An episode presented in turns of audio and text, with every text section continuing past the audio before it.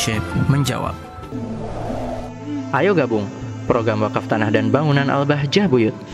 Hanya 200 ribu per meter. Assalamualaikum warahmatullahi wabarakatuh. Waalaikumsalam warahmatullahi wabarakatuh. Maaf, biar saya singkat saja pertanyaannya.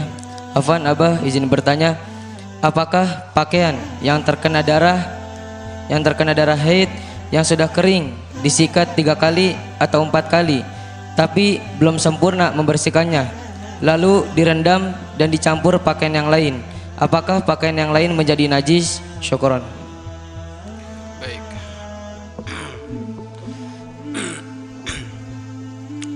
Baju yang terkena darah. Baju yang terkena darah adalah itu baju mutanajis. Baju yang terkena na, najis. Maka baju itu hendaknya disucikan. Hendaknya disuci, disucikan. Cara menyucikan baju tersebut bagaimana Pak Ustadz? Jika engkau airnya sedikit, maka jangan sampai baju tadi itu didatangkan kepada air yang sedikit.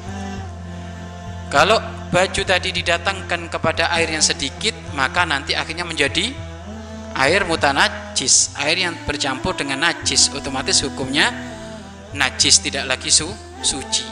Tapi kalau airnya banyak, dua kula atau melebihi dari dua kula tidak masalah kamu cemplungin di situ kamu gosok di dalam tidak apa-apa. Lalu cara mensucikannya bagaimana Pak Ustadz? Sebisa mungkin ya bentuknya darahnya dihilangkan dulu.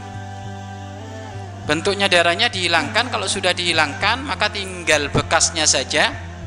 Maka baru setelah itu diguyurkan air ke baju yang terkena najis tadi itu. Cara mensucikannya kayak gitu ya kecuali kalau air banyak air satu kolam renang yaitu nggak usah kamu bersihkan nggak usah kamu bersihkan dulu najisnya dalam arti bersihkan bentuknya dihilangkan dulu tiba-tiba langsung kamu kucek.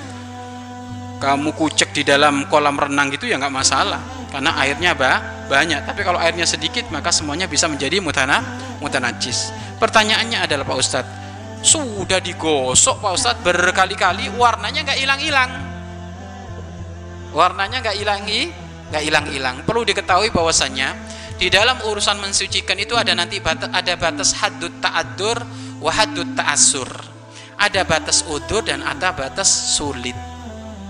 Ya kan? Batas udur itu apa? Batas udur itu ya batas udur itu jika jika yang tersisa itu adalah rasanya kan bentuknya najis itu ada berapa? Ada tiga. Bau rasa war warna. Kalau ternyata setelah dicuci kok masih rasanya adalah rasa najis tapi nggak perlu dicoba. Ya kan? Ada celatongnya sapi nempel di bajumu akhirnya gimana rasa celatongnya sapi? Dicoba gitu.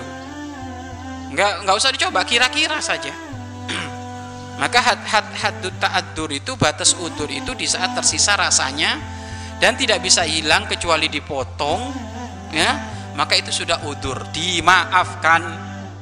Dimaaf? Dimaafkan. Kalau hadut ta'asur batas sulit itu adalah rasa dan bau. Yang tersisa rasa dan ba dan bau. Maka itu juga dimaafkan. Masuk batas sulit. Sulit berarti dimaafkan. Lalu bagaimana Pak Ustadz? Manusia dimaafkan? Sudah nggak apa-apa tidak apa tidak apa-apa.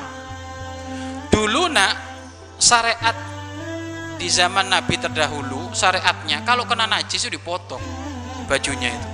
Nggak nggak nggak seperti syariat sekarang. Syariat sekarang kan enak. Najis cukup dibilas dengan a, air. Kalau syariat dahulu kalau kena najis dipotong. Karena nggak ada kak syariat suci mensucikan seperti syariatnya Rasulullah nggak ada. Maka ingat cara mensucikan najis yang nempel ada di baju sebisa mungkin adalah hendaknya dibersihkan dulu bentuknya. Kalau sudah bentuknya dibersihkan berarti tinggal hukumnya saja. Hukumnya masih tetap najis tinggal dibilas dikucurkan air dari atas. Kalau memang kita airnya sedih sedikit. Maka di saat sudah dikucurkan air dari atas kemudian itu air sudah terpisah sudah baju ini sudah suci dan tidak perlu sampai ngelubar-ngeluber sampai boros air nggak perlu ya tapi dengan syarat seperti itu bentuknya sudah dihilangkan dulu dulu tapi kalau bentuknya belum dihilangkan dikucurin air sedikit ya nggak suci-suci karena bentuknya masih ada. Maka hal ini juga termasuk menjadi kewaspadaan bagi orang yang mencuci di mesin cuci.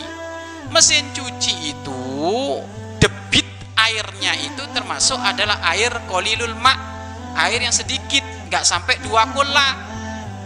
Maka kalau air itu nggak sampai dua kola, maka tidak boleh ya tidak boleh air digenangkan dulu di mesin cuci baru baju yang najisnya dicemplungin dari atas. Nggak boleh. Kenapa? Nanti itu menjadikan sebab mutanajis najis semua semuanya. Lalu bagaimana Pak Ustadz bedakan antara baju najis sama baju baju kotor tapi suci.